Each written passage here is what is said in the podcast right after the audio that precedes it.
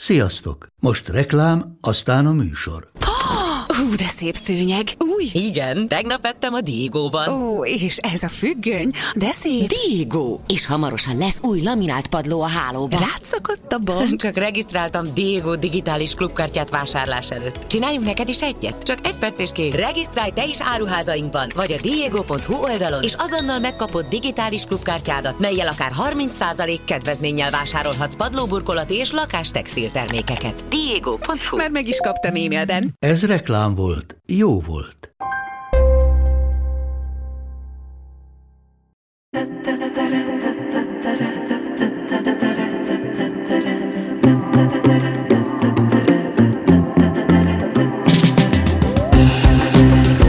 Neked könnyű, mert híres vagy, mert van pénzed, mert jól nézel ki.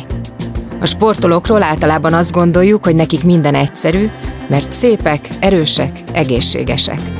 Pedig a sikerek mögött rengeteg küzdelem, munka és szenvedés van.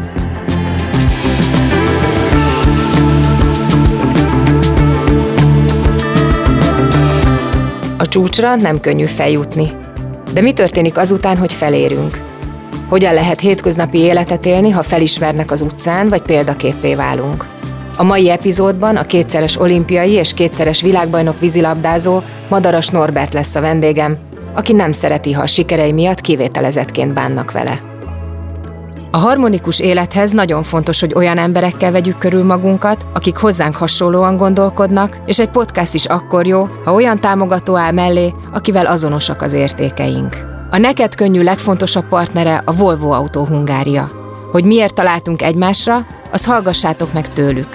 Utána pedig rögtön kezdjük a beszélgetést. A Volvo-nak megalakulása óta a világ és a benne lévő emberek a legfontosabbak. Tudjuk, milyen nehéz a gyorsan és folyton változó világunkban helytállni, és hisszük, hogy a harmónia megteremtéséhez főként önismeretre, tudatosságra és időre van szükségünk. Ezért támogatjuk a Neked Könnyű podcastet, és ezért készítünk olyan intelligens, környezetbarát és emberközpontú technológiákkal felszerelt autókat, amelyek a közlekedés minden résztvevőjének, így a benne ülőknek is biztonságot és nyugalmat adnak. Hiszen ha pszichésen kevésbé megterhelő a vezetés, több időnk és energiánk marad az emberi kapcsolatainkra és magunkra, vagyis mindarra, ami igazán fontos.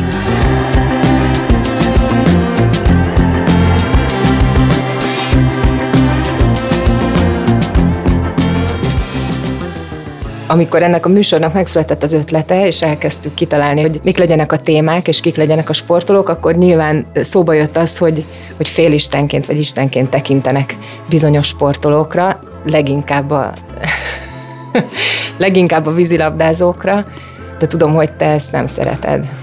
Hogy kezeled ezt mégis? Hát kezdjük úgy, hogy azt gondolom, hogy nem is igaz. Tehát, hogy ez túlzás, aki mondjuk Isten vagy félisten, ez nem tudom, egy-egy focista, vagy egy-egy NBA játékos, vagy, vagy nem tudom, nem tudom, Michael Phelps volt az a csúcson, tehát van egy-egy nyilván más is. Azt gondolom, hogy ez túlzás, azt nem mondom, hogy soha sehol senki nem ismer meg, így azt mondom, hogy kedvelnek minket, vagy mondják, hogy nem te vagy az a vízilabdázó, de, de alapvetően ez túlzás. Éppen miatt azt gondolom, hogy nagyon nem is kell kezelni. A mi életünk alapvetően attól, hogy mondjuk, mondjuk olimpiákon voltunk, vagy olimpiákat nyertünk, olyan nagyon-nagyon nem változott meg. Inkább egyfajta ilyen pozitív visszacsatolások vannak felénk, vagy felém is, hogy de jó volt, amit csináltatok, meg de jó volt ott lenni a tévé előtt, meg de jó volt látni titeket. Ennél még pozitívabb azt mondják, hogy de sokat nem tudom, tanultunk tőlük, vagy, vagy sokat adtatok, és ez, azt gondolom, hogy ez jó. És az én életemben kb. ez a felső határ is, tehát tök jó, hogy ez csak így van, és nem ennél több. De magyar viszonylatban nem lehet, hogy ez az istenség? Tehát nem az a jelenség, hogy felismernek az utcán, megköszönik, és nyilván nem lehet összehasonlítani egy amerikai sportolóval. Nem, nem is lehet, csak hogy ők ebből a szempontból idézőjelben az Istenek. Igen, itt azt gondolom, hogy a tetején vagyunk, vagy voltunk ennek abban az időben, és ez nagyon is, hát nyilván jó volt, meg jól esett, de mondom inkább ez a fele, és azt meg kifejezetten büszke vagyok, hogy nem csak magam miatt, hanem azt gondolom, hogy a csapat többsége, hogy a vízilabdázók többsége ezzel nem nagyon élt vissza, semmilyen szinten. Túlságosan is visszafogottak voltunk, ami nem baj, valószínűleg ilyenek vagyunk, vagy ez volt az igazi oldalunk. A mi világunkban nem voltak talán annyian, akik, akik meghűítettek volna minket, és, és épp ezért azért nem sokat látni mondjuk abból a, abból a háromszoros olimpiai bajnok csapatból, akik lementek egy szint alá, tehát akik, akik folyamatosan mennek és szerepelni szeretnének, és olyan dolgokat csinálnak, ami egyébként nem nekünk való, és talán emiatt is lehetett ez, hogy, hogy még mindig, talán még mindig kedvelnek minket. És vajon mi volt előbb? Azért jutottatok ide, mert hogy alapvetően ilyen ö, szerények vagytok, vagy a csapat mellett muszáj volt ilyenné alakulni? Hát ezt ketté kell választani. Azért sok győztes csapat van, és az, hogyha mondjuk, ha mi esetünkben vegyük az olimpiákat, tehát az, hogy egy csapat mondjuk egyszer olimpiai bajnok lesz, az abban minden belefér egy kicsit, tehát lehet ilyen is, meg olyan is. Ennek a csapatnak inkább az volt a nagysága, hogy ez tíz évig nagyon jó volt. Jöttek, mentek benne játékosok, volt egy magia, aki végig ugyanaz volt, de azt mondom, hogy ehhez a maghoz alakultunk mi, akik esetleg később csatlakoztunk, de, de a hosszú távú sikernek az volt a titka, hogy a többség alapból is ilyen, vagy ilyen volt. Mindig van a magyar vízilabdában, aki továbbadja ezt a fajta mentalitást? Tehát mondjuk a mai magyar vízilabda válogatottban megvan még ennek a nyoma, vagy elmúlt? A nyoma színű? megvan. A nyoma megvan. A vízilabdás közeg azért is változik, ahogy a világ is változik, és itt hozzá kell tennem az előzőekhez, hogy nekünk könnyebb dolgunk volt. Tehát mondjuk a 2000-es évek elején, közepén, 15-20 évvel ezelőtt mindez könnyebb volt megcsinálni, mint most. Ebben a szempontból az én véleményem az, hogy nem jó felé ment a világ, a social médiának több a hátránya, mint az előnye, és más közvetítés, és azt gondolom, hogy különösen a fiatalok hajlamosak ebbe a kellőnél jobban belecsöppenni, vagy a kelleténél jobban, és éppen miatt mondtam, ettől valaki meg jó focista lesz, vagy jó vízilabdázó lesz, vagy jó, teljesen mindegy, asztalos lesz, mindegy, mit csinálsz az életben, de mondjuk lehet, hogy csak a, a, a maximumodnak a 90 vagy 95 százalékát tudod kihozni, és az sem feltétlenül hosszú távon, vagy hosszabb távon. Igen, azt olvastam rólad, hogy mindig az a feladat, amit éppen adtak neked, akár fizikai, akár mentális a vízben, az neked mindig jól ment. Tehát, hogy minden területen maximálisan tudtál teljesíteni. Az egyik ilyen tulajdonság az, hogy eléggé maximalista vagyok, tehát teljesen mindegy, mit csinálok, vagy belekezdek, ha elvállalom, akkor én ezt megcsinálom, és, és lehető legjobban megcsinál, igyekszem megcsinálni, és nagyon bosszant, hogyha nem. Tehát én nem nagyon vagyok elégedett a 90%-kal, sem a vízben nem voltam, sem egyébként a másban nem vagyok, és ez előbb-utóbb nyilván fizet, vagy visszaköszön. Nem csak abban, hogy mondjuk győzelmekben vagy gólokat lőttem, hanem nekem megad egy hatalmas önbizalmat az elvégzett munka, amit nem is nagyon tudok máshoz hasonlítani. Megadott, meg mindenben ad, tehát a mai napig ad. Úgy gondolom, hogy én mindent megtettem, szintén a fiaimnak szoktam mondani, hogy hát ha megcsináltam mindent, de tényleg mindent, tehát nem úgy, hogy azt mondod, hanem nem 90 hanem 100 ot és nem tudom, négyeset a dolgozat, semmi baj. De ha úgy lett négyes, hogy egyébként semmit nem tanultál, az ugyanaz a négyes, de az én szememben az nagyon nagy baj. Mert hát nem tettél semmit, csak mondjuk odafigyeltél egy kicsit, de mondjuk otthon nem készültél, vagy nem tanultál. Odafigyeltél, emlékeztél, mit mondott a tanárod, és akkor úgy lett négyes, nekem az nem azt mondom, hogy egyes, de alapvetően az én szememben nem egy nagy dolog. Könnyű lehet veled otthon a fiaidnak. Nekem, nekem nem könnyű velem sehol sem. Biztos nem könnyű a... a Értik, amit mondasz a, egyébként? Most de... már igen. Uh-huh. A nagyobbik az teljesen, a kisebbik 11 éves, ő ő is egyébként, csak ő nem csinálja, tehát ő másfajta, de ő is most már úgy átjön, hogy, hogy miket szoktam mondani, meg, meg ezt egy ilyen feladatomnak is gondolom, hogy ha én bennem ezek megvannak, és át tudom adni. Abban alapvetően nem vagyok jó, hogy én ezt átadjam, nem tudom én száz embernek, de hát legalább nekik. És bosszant, hogyha nem értik? Vagy bosszant téged, amikor... Még nem, még nem, de tíz év múlva bosszantani fog. Azt gondolom most. Mennyire lehet tudatosan felépíteni így a karrieredet, vagy te mennyire tudatosan építetted mondjuk kamaszkorod óta, hogy hogy a következő években mi fog történni, és mit fogsz elérni? Én nagyon későn kezdtem vízilabdázni, előtte úsztam. És határozottan emlékszem, vagy emlékszem, hogy, hogy nem olyan célokkal kezdtem vízilabdázni, sokkal inkább unalmas volt az úszás. Én úgy kezdtem vízilabdázni, hogy, hogy hát valamit csináljak, jó közösség, és jól érezzem magam. Aztán, hogy ebben tehetséges voltam, vagy ügyes voltam, vagy jobban odafigyelt, és éppen miatt jobban odafigyeltek az elején, hogy, hogy többet foglalkoztak velem talán, ez egy ilyen ez a fel egy ajándék, vagy egy, vagy egy véletlen. Nyilván a balkezességed. Így van, meg hogy megtaláltam azt, hogy, hogy én ebben vagyok jó. De az elején nem az volt az álmom, hogy, hogy én válogatott vízilabdázó legyek. Hát biztos mindenkinek ez van a fejében, és az úgy szépen olyan 16, 17, 18 évesen lett, az biztos, hogy úgy lehet belőlem valami. A felnőtt csapattal többet edzettem, az utolsó két évemben középiskolában, gimnáziumban már magántanuló voltam, hogy ott, ott lett bennem egy ilyen hát egy ilyen változás, hogy, hogy én igenis én ezt ebből a, én a legszívesebben, tehát kihoznám ebből a maximumot.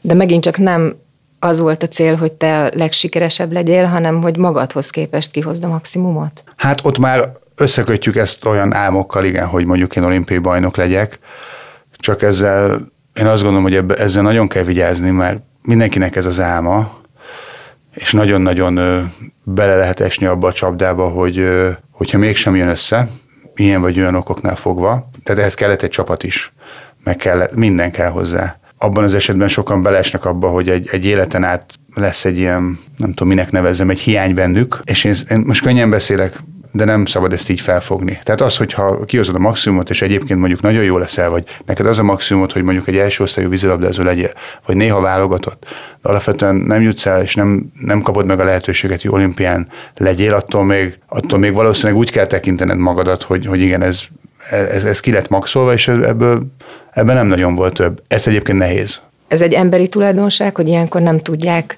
félretenni azt, hogy bár mindent megtettem, mégsem sikerült, vagy ez a magyar vízilabdában egy olyan presszió, hogy sikert kell elérni, és az ott kell, hogy legyen a kezedben. Hát mind a kettő, sőt én majd hozzáteszek még egyet. Tehát egyfelől Hát mindenkinek van egy álma, tehát mindenki szeretne a lehető legjobb lenni, ez egy saját belső dolog.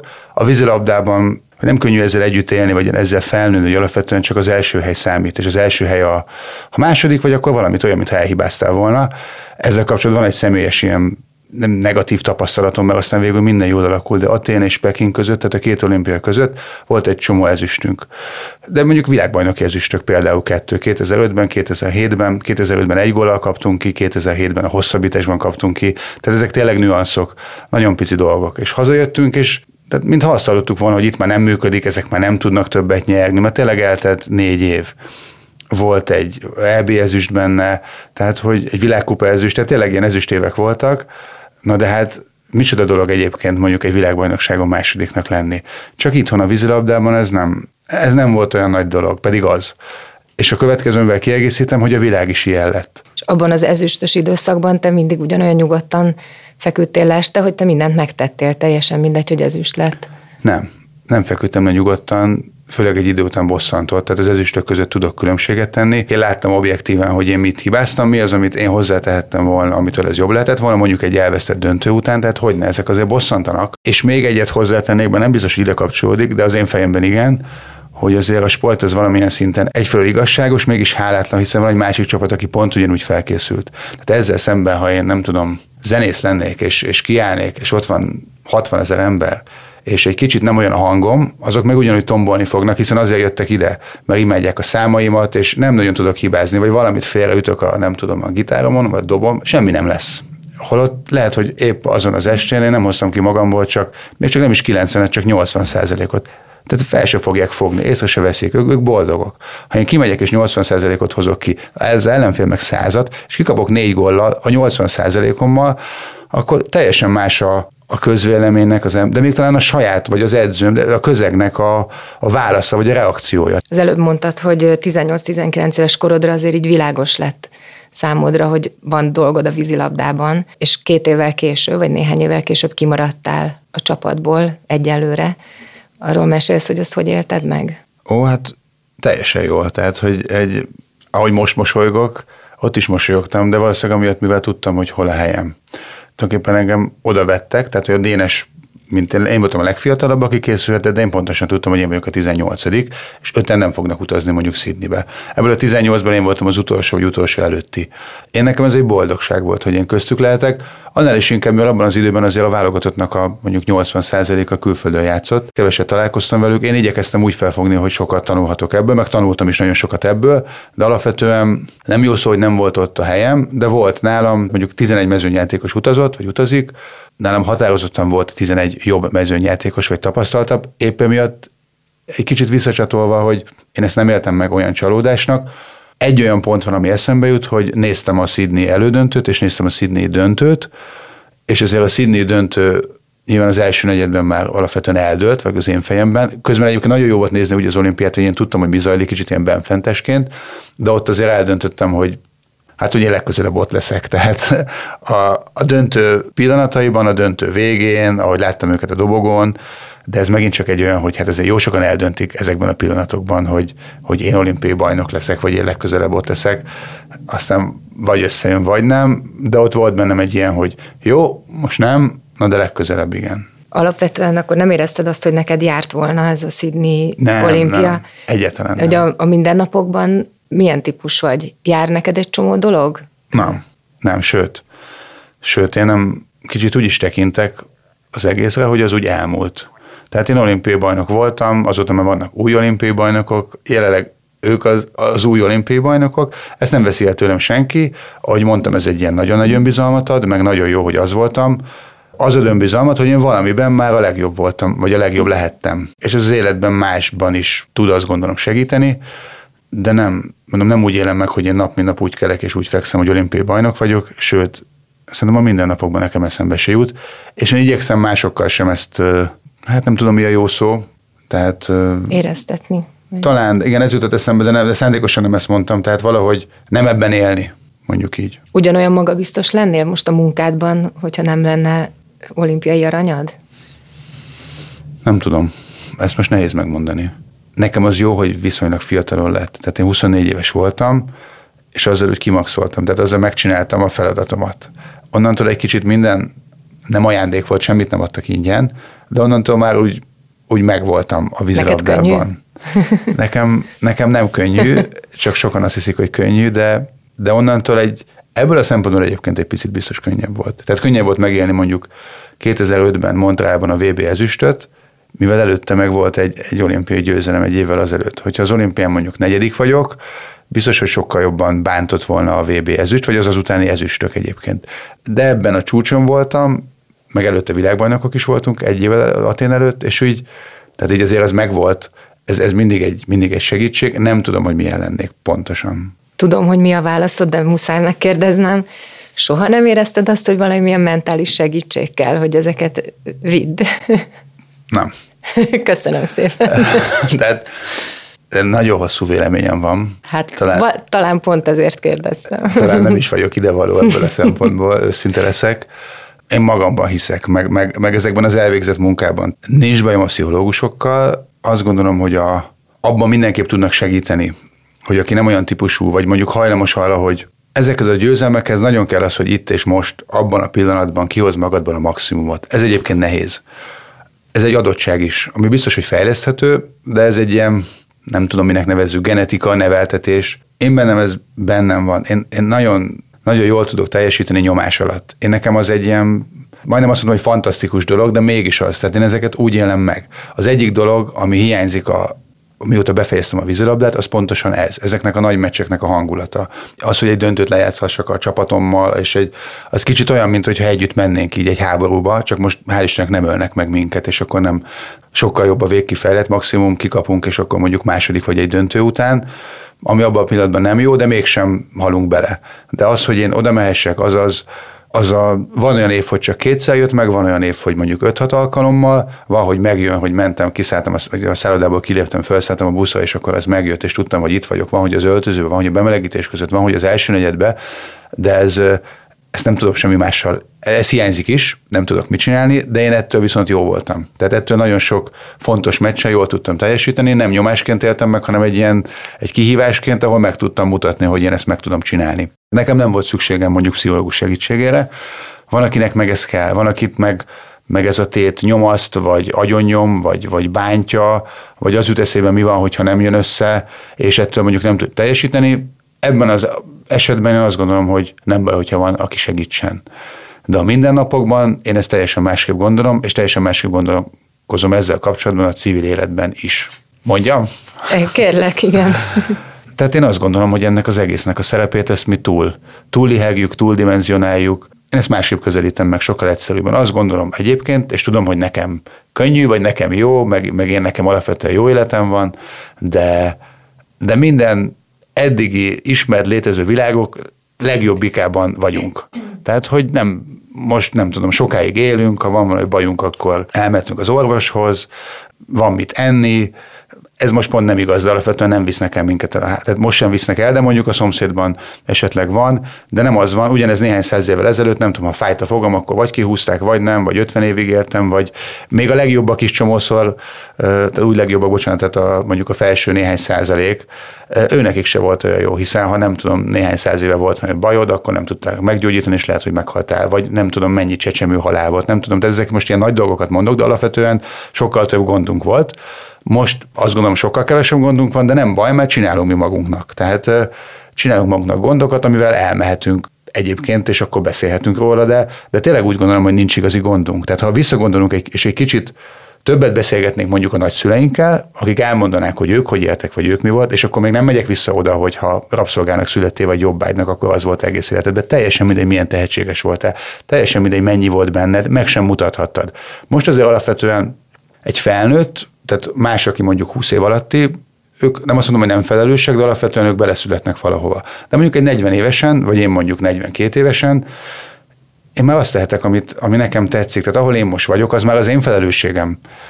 És mindenki szabad ember, tehát mindenki azt tesz, amit, tehát hogy nem tudom, innentől azt mondom, 20 és 40 között amin van, ami lettem, az már én vagyok. Az, ahhoz már nem, alapvetően nem akadályoztak. Nyilván valakinek könnyebb, van, akinek nehezebb. De azért nézzük meg, hogy ez hogy nézett ki ezelőtt. És hogyha én egyébként mindent megtettem, és mindent megteszek, és ennek ellenére valami elakadásom van, akkor menjek el pszichológushoz. De ma ezt kicsit másképpen használjuk. Én úgy gondolom, ezt úgy használjuk, mint egyébként használjuk a gyógyszereket. Tehát könnyebb bevenni egy kapszulát, mint nem meginni a kólát, vagy, a, vagy egészségesen enni, vagy egészségesen élni és mozogni. Inkább az elhízás ellen kitalálok valamit, vagy leszívatom, a nem tudom, a zsíromat, mert hogy mindig a könnyebb utat választjuk, nekem ehhez hasonlít a, nem a pszichológia, mondom, van olyan, hogy van valakinek valami elakadása vagy gondja, az menjen el, és akkor 5-10 alkalommal azt gondolom, hogy ezt megoldják, vagy nem oldják meg, vagy segítenek neki, elindítják egy úton. De mondjuk az, hogy én elmenjek folyamatosan, vagy állandóan minden bajommal, valamilyen egyébként számomra idegen segítséget, segítséghez folyamodjak, ez nekem teljesen idegen, és igazából fel se tudom fogni nagyon. Hogy szerinted inkább ürügyeket gyártanak az emberek ahhoz, hogy pszichológushoz járhassanak? Nem feltétlenül, csak mondjuk ahogy említettem, felnagyítják azt, ami van. Tehát először talán magadat kellene megvizsgálni, hogy megbeszéltem azzal, akivel gondom van, én megtettem mindent, és hogyha ez mind igen, igen, igen, a sok igen válasz után még mindig, ahogy említettem, van egy ilyen elakadásom, nem tudom, hova induljak el, nem tudom, merre induljak el, elmegyek. És hát a kizökkent, hát a segít, hiszen ő mégiscsak egy szakember, sok ilyennel találkozott, vagy találkozhatott, és elmegyek, és elmegyek öt alkalommal, vagy elmegyek maximum tíz alkalommal, és elkezdek magamon így dolgozni. Most annak tudatában, hogy, hogy mindig is volt minden csapat mellett pszichológus, az jutott eszembe, hogy jártam egyházi iskolába néhány évig gyerekkoromban, ahol kötelező volt gyonnunk. És emlékszem, hogy minden héten kínba voltam, hogy mégis mit kellene meggyonnom, amikor nincs mit. Amikor te bementél ezekhez a pszichológusokhoz, akik ugye a csapat dolgait voltak hivatottak megoldani, akkor tudtál mit mondani, vagy szenvedtél tőle? Szenvedni nem szenvedtem. Meg azt sem mondom, hogy negatív élményeim vannak ezzel kapcsolatban. Elbeszélgettünk, elmondtam. Azért, ahogy, ahogy említettem, ott is lehetnek elakadások, hiszen mondjuk itt az ezüst években lehet azt mondtam, hogy lehet megkérdeztem, hogy mit gondol. Nálunk is vannak a csapatok mellett pszichológusok, tehát én a Ferencvárosban dolgozom, és tudom azt is, hogy valaki ezt igényli. Más, amikor csapatszinten nézünk valamit, ahol meg kell találni mindenkinek a helyét, meg mindenkinek a saját helyét, illetve mondjuk az edzőnek a játékosok helyeit, meg, meg mindenkinek az egyéni gondjait. Most kis túlzás, én annyit mentem, amennyit muszáj volt. Tehát alapvetően van egy pszichológus, akivel elbeszélgetünk, és, és ha van valami, azt azért meg tudjuk beszélni. De nem, soha nem láttam ennek ilyen nagy szükségét, vagy nem nagyon igényeltem. Volt, és kellett vele beszélgetni, akkor mentem, de, de ez, ez azzal meg is szakadt, hogy én abba hagytam a, abba hagytam a játékot. Egyébként eszembe jutott egy másik dolog, ami nem feltétlenül ide kapcsolódik, de hát ehhez nekem a vallások is ugyanilyenek. Tehát ott valakinek szüksége van, hogy, hogy legyen vallásos, vagy higgyen, higgyen Istenben, és, és nem tudom, én még nem kaptam bizonyítékot, hogy létezik. Tehát én nagyon objektív ember vagyok, és nem tudom, realista, és hogyha majd valaki bebizonyítja, hogy igen, van, de amúgy meg azt gondolom, hogy nincs, de nyitott vagyok, tehát ha valaki mutatja, hogy van, és hoz valamit, hogy, hogy van, valami jelet, akkor legyen, de tehát nem mondanám feltétlenül ateistenek magam, én valahol a kettő között vagyok, nyilván a felé húzok, de hát ki kellett találni a vallásokat, hiszen kellett a tömegeknek valami, valami hit, amiben megmagyarázott, hogy neked miért nem jó, vagy miért vagy alkalmatlan, vagy miért nincs mit enni, vagy nem tudom, miért gyújtotta fel a villám a házadat. Ez egy ilyen segítség volt. És, de alapvetően pont ugyanígy bajt okoztak a vallások, mint amennyit, amennyit segítettek, hiszen nem tudom, elvittek a keresztes háborúba, a, a, nem tudjuk, hogy hova, nem tudjuk, hogy milyen, nem tudjuk, hogy kik ellen, de hát a hitetleneket meg kellett volna téríteni. És akkor ott meghaltam, és akkor ennyi volt, mert hogy, mert hogy azt mondták, hogy menjek. Tehát, hogy azért nem sok pozitív. Én nem nagyon látom ezeknek a pozitív oldalát. Ezek a gyengébbeknek talán szükségesek. Most tulajdonképpen teljes párhuzamot vontál az egyház és a, vagy a vallásosság nem. és a pszichológia között. Nem teljesen, csak említetted, hogy neked gyónni kellett, meg van, akinek gyónni kell, alatt lehet, hogy nem is volt, mint meggyónni, de hát nem tudom. Tehát ez, ez, de ez lehet, hogy a pszichológus az, az vigaszt nyújt a, a mai életünkben, mondjuk a, a vallások helyett? Igen, de említettem, hogy talán a pszichológus előtt kéne beszélnünk a nagymamánkkal, vagy a nagypapánkkal, hogy hogy éltek, meg milyen élet volt, és lehet, hogy nem is kell az a vigasz hanem akkor egy kicsit felfogjuk, hogy lehet, hogy lehetne egyen jobb autónk, vagy lehetne, hogy egyen jobb életünk, de még mindig, még mindig milyen jó. Ha kicsit többet kapnánk abból, lehet, hogy kevesebb vigasz kéne. A Fradiban, ahol most dolgozol, és rengeteg gyerek, és fiatal, és edző, és csapat áll alattad, ott mennyire tudod ezt a, ezt a mentalitást beléjük nevelni?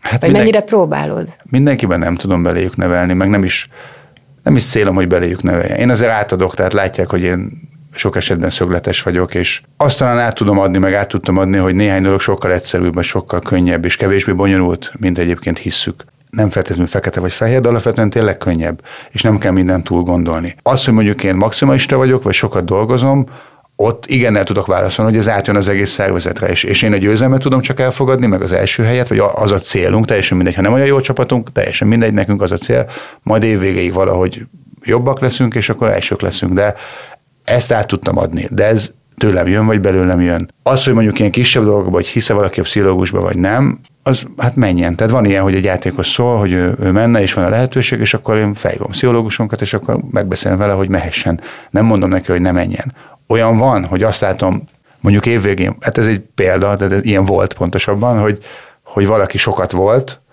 és egyébként mondjuk mégse játszik jól, vagy egyébként én úgy látom, hogy nem segített, vagy csak hülyébb lett. Akkor téged akkor, igazol. Akkor nem, nem engem igazol, de azért kicsit feszült leszek, de, tehát akkor vagy beszélek esetleg a pszichológussal, vagy általában úgy gondolom, hogy nem ez volt a gond. Vagy talán túl is tolta, vagy hogy említettem, talán meg kellett volna nézni, hogy minden mást hozzátesz-e. Akkor a Fradin belül, meg így a munkádon belül otthon a gyerekeidnek példát mutatsz, tehát valószínűleg ez a te nevelésed, hogy nem rábeszélni akarod őket, hogy ha azt látod, hogy nem így csinálják, akkor az mennyire bosszant téged, vagy inkább arra vagyok kíváncsi, hogy mennyire kell kontrollálnod magad, hogy ne lássák rajtad, hogy bosszant. Nagyon. Másokon is bosszant ez a fele, de hogy később ez majd még jobban fog bosszantani, mert azt gondolom, hogy van mondjuk két fiam, akik majd felelős családfők lesznek, stb és nem csak magukért lesznek felelősek, hanem, hanem majd másokért is, és nyilván, ha elmondok valamit több alkalommal is, és nem úgy van, vagy nem, azt látom, hogy nem is csinálják, az bosszant. De ez mindenben bosszant, nem kell ez családon belül mennem, hanem, hanem mindenhol bosszant. Hogy még mondjuk meg se fogadják a tanácsomat. Ha látom, hogy igyekszik, és nem úgy alakul, az viszont nem. Ez nagyon változó, hogy milyen szinten kell magam kontrollálnom. Azért én folyamatosan a hajamat tépném az utcán is, hogyha ha látnám, hogy, vagy hogyha mindig felbosszantana, hogy, hogy, hogy nem is látnám, ha észrevenném állandóan, és ezzel foglalkoznék, hogy más mit csinál. Mert én az, de tényleg ezt gondolom, hogy a felnőttek azok, azok, azok így magukért felelősek végül, és én nem nagyon kedvelem, meg nem nagyon hiszek az ilyenfajta, minek nevezzük nyavajgásnak, vagy az ilyenfajta folytonos panaszkodásnak, hiszen, ahogy elmondtam, tehát én nem panaszkodom, mert nem tudom, amit eddig nem tudtam megcsinálni, az valószínűleg azért nagyobb rész rajtam múlt. Emiatt kinek panaszkodjak? Hát maximum magamnak tudok. Dühöngsz? Most? Néha. Most légy Nem, de néha dühöngök. Hát hogy ne dühöngök? De hogy, hogy ez, a, ez a racionális, objektív, fegyelmezett madaras Norbi, ez, ez ki tud borulni? Kiabálni, ordítani, a, tépni a haját? Hát teljesen változó.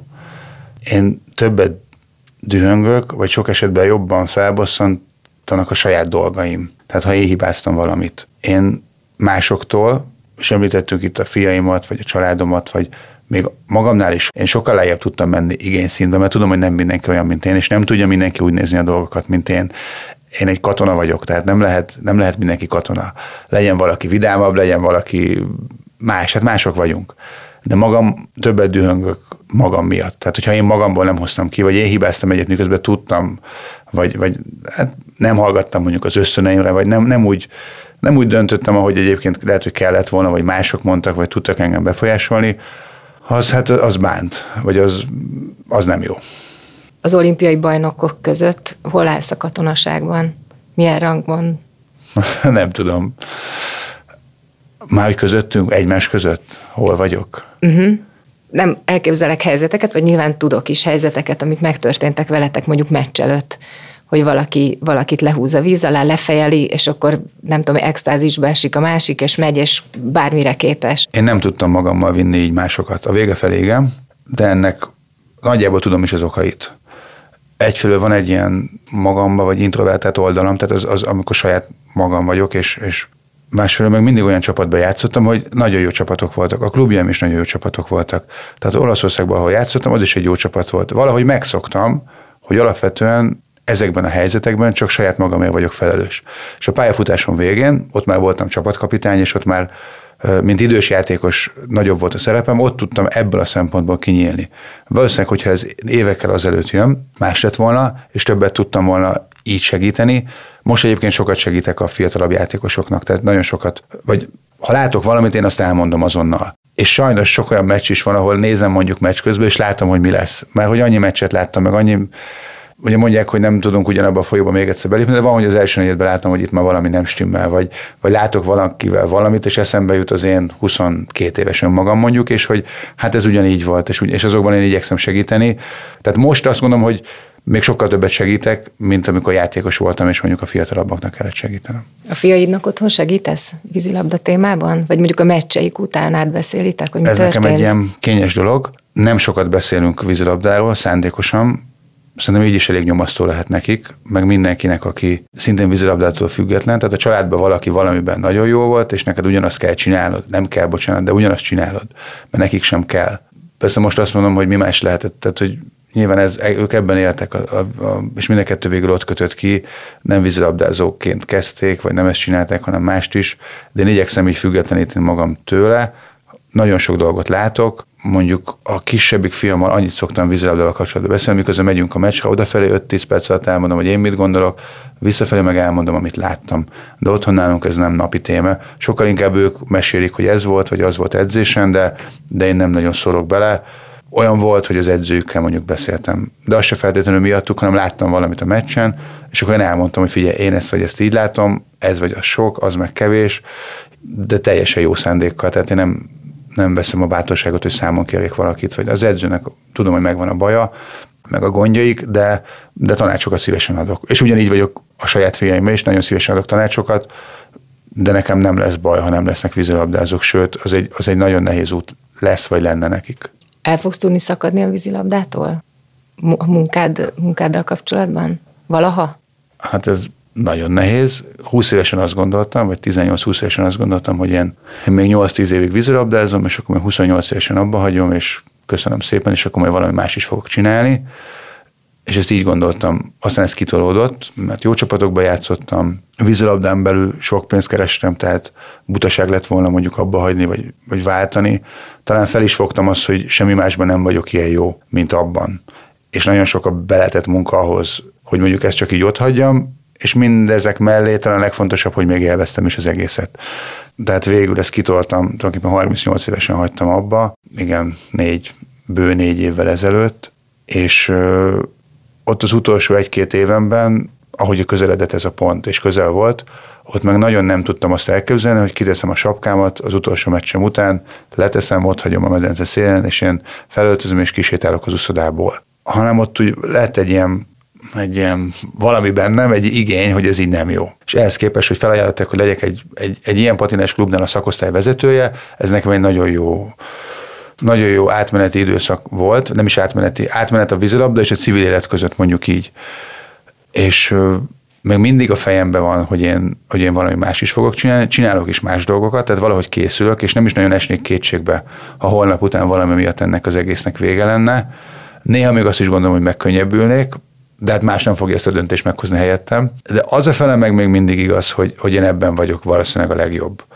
Meg ez az én közegem. Amíg tudok segíteni másoknak, és én ezt élvezem, meg, meg, meg jó vagyok benne, addig valószínűleg benne leszek. Egy kicsit még mindig nyomasz az a gondolat, hogy engem levittek hat évesen az úszodába, ugye úszóként kezdtem. és mondjuk 60 évesen egyszer csak ott, ott kicsekkolok, vagy 65 évesen, nem tudom mennyire szép a nyugdíj, teljesen mindegy, de hogy kicsekkolok, és úgy valahogy igazán nem csináltam mást. Ez egy picit bosszant engem, meg úgy gondolom, hogy van tehetségem máshoz, meg tudnék más csinálni, de, de még nem azt mondom, hogy az is lehet, hogy így lesz, valamit mellette biztos, hogy fogok csinálni, és hogy teljesen elszakadjak, azt most nehéz elképzelni. Valahogy nem úgy alakult. Ha érdekel az előbbi téma pszichológiai háttere, hallgass meg a szünet utáni rövid beszélgetést. Vendégünk Els Tipkovics Erika pszichoterapeuta, aki a Személyiségfejlesztő Akadémia vezetője.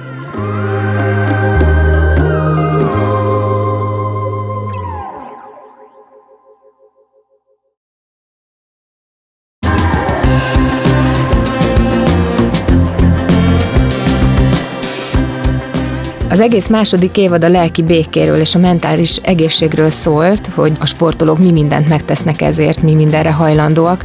Most hallottunk egy másfajta véleményt Madaras Norbitól. Mit gondolsz erről, hogy látod te ezt? Mármint arra gondolsz, gondolom, hogy, a, hogy nem szükséges a, a lelki munka, meg a pszichológus.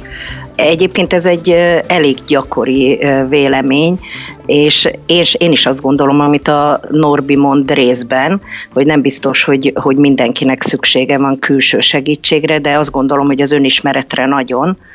A másik meg, hogy az is igaz, hogy, hogy lehet ettől azért függővé is válni. Bármi problémám van, akkor kérek egy külső segítséget. De ettől függetlenül én azt gondolom, hogy akkora szükség az önismeretre, mint manapság talán soha a világon nem volt, mert hogy gyakorlatilag ma van egy olyan szemlélet, hogy minden olyan zavaró tényezőt zárjunk ki, hogy kerüljünk el, amik hátráltatják a mai civilizált boldogságot, vagyis azt, hogy a modern világba, amit boldogságnak hiszünk. Azaz, hogy a hatalmas és látványos eredményeket érjünk el, kényelmes életünk legyen, anyagi jólét legyen, aminek főleg külső jelei vannak, hogy a nehézségek és a problémák lehetőleg ne legyenek, és gyakorlatilag ezzel a szemlélettel egy kicsit kiiktatjuk azokat a tényezőket, ami számunkra kellemetlen, így, így nagyon sokszor lehasítjuk az érzéseinket, nehezen fogadjuk el a zavaró gondolatainkat, a negatív érzelmeket meg főleg, amik persze velünk születettek, mert azért azt tudni kell, hogy a félelem, a szomorúság, az a szeretet, meg az öröm mellett, meg a dű, azok természetes, velünk született alapérzelmek. Uh-huh.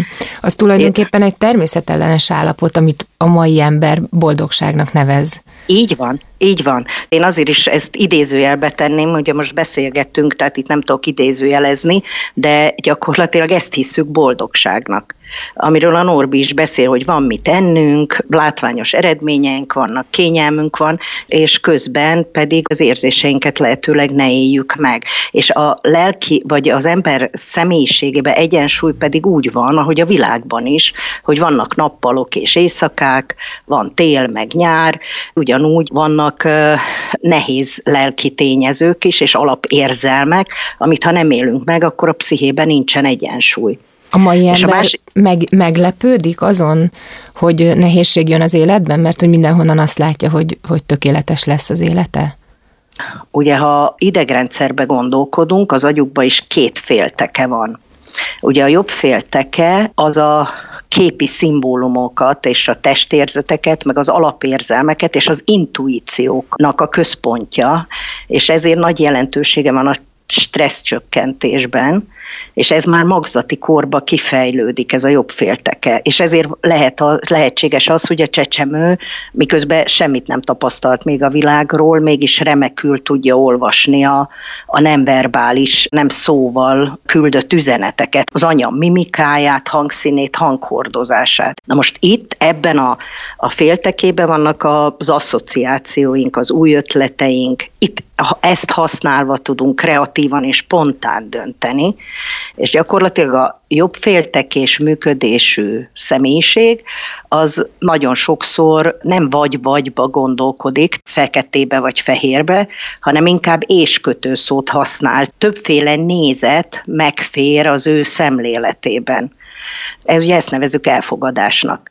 És ezt is nagyon nehezen valósítjuk meg a mai világba, ahol végig arra vagyunk szocializálva, hogy a balféltekénket használjuk, és azt tudni kell, hogy a balfélteke az a logikus gondolkodásnak, a nyelvi formáknak, az ítéleteknek a központja.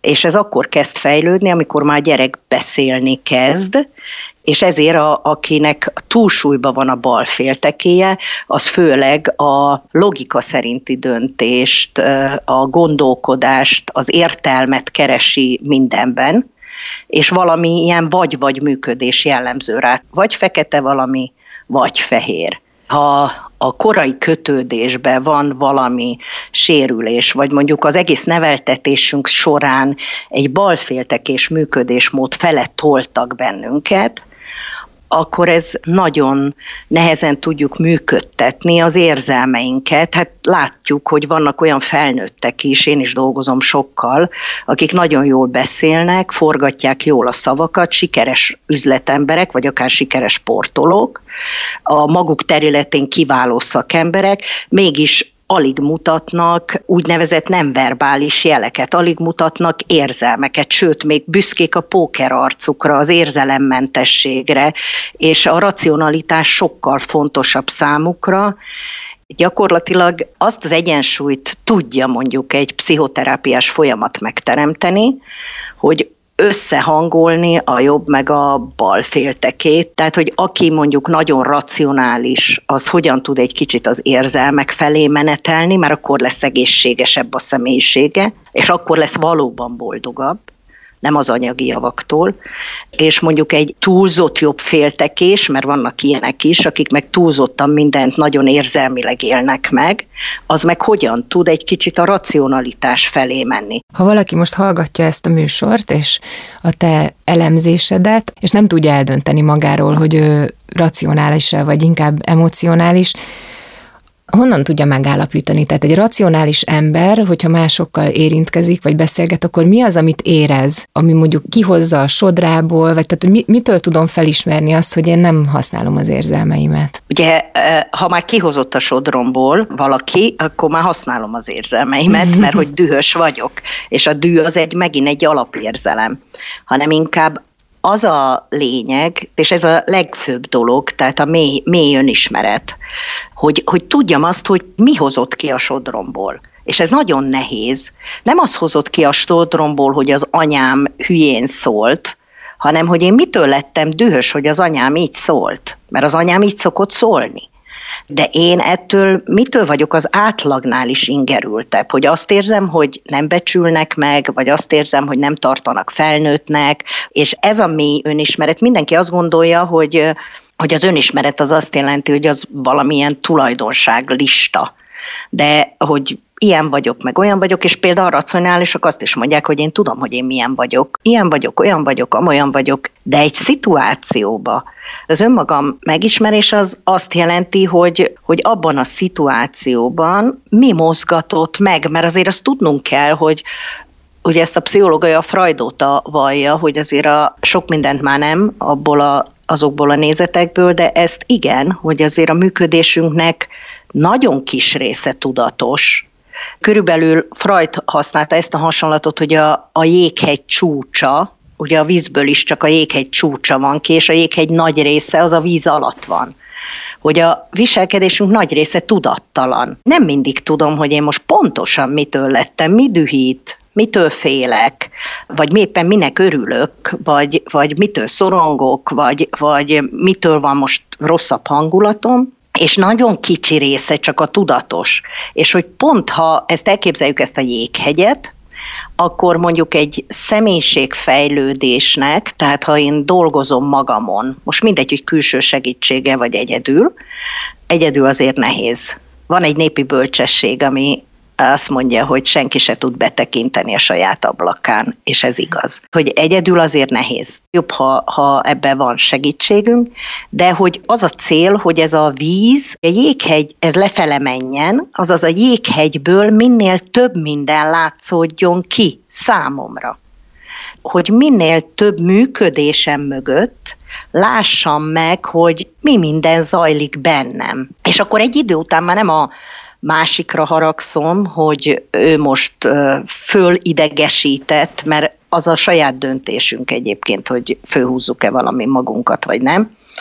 És nem magamat hibáztatom. A bot két vége az körülbelül vagy az, hogy másokat hibáztatok mindenért, vagy az, hogy csak magamat hogy én elszúrtam, én rossz voltam, én, én, nem. Én azt gondolom az arany középút itt is a, nagyon fontos, hogy lássam pontosan, hogy mi történik bennem, amikor belekeveredek mondjuk egy konfliktusba, lássam azt is, hogy mi történik a másikba, lássam azt is, hogy mi az, amit én tudok megváltoztatni, és mi az, amit meg el kell fogadnom a másikba.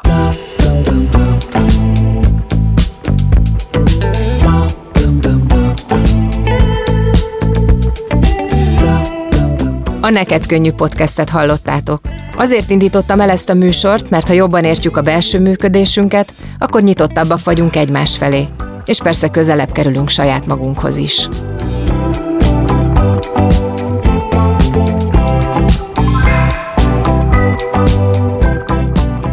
A műsor szerkesztője Mihály Kövi Sára és Regényi Eszter. A sportszakmai tanácsadó Marosi Gergely. A főszerkesztő Neizer Anita, a zenei és utómunka szerkesztő Szűcs Dániel, a kreatív producer Román Balázs, a producer pedig Hampuk Rihárd. Epres Pannit hallottátok.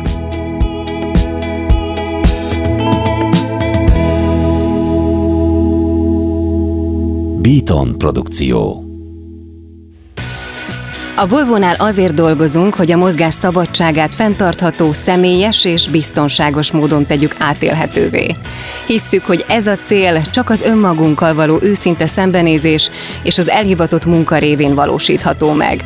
Ezért vállaltuk, hogy 2040-ig teljes mértékben klímasemleges és körforgásos vállalattá válunk, és etikus üzletvitelünkkel hozzájárulunk egy igazságosabb társadalom létrejöttéhez.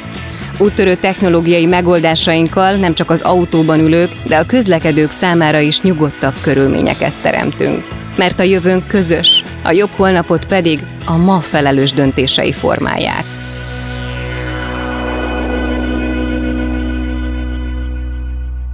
Ez egy Béton podcast.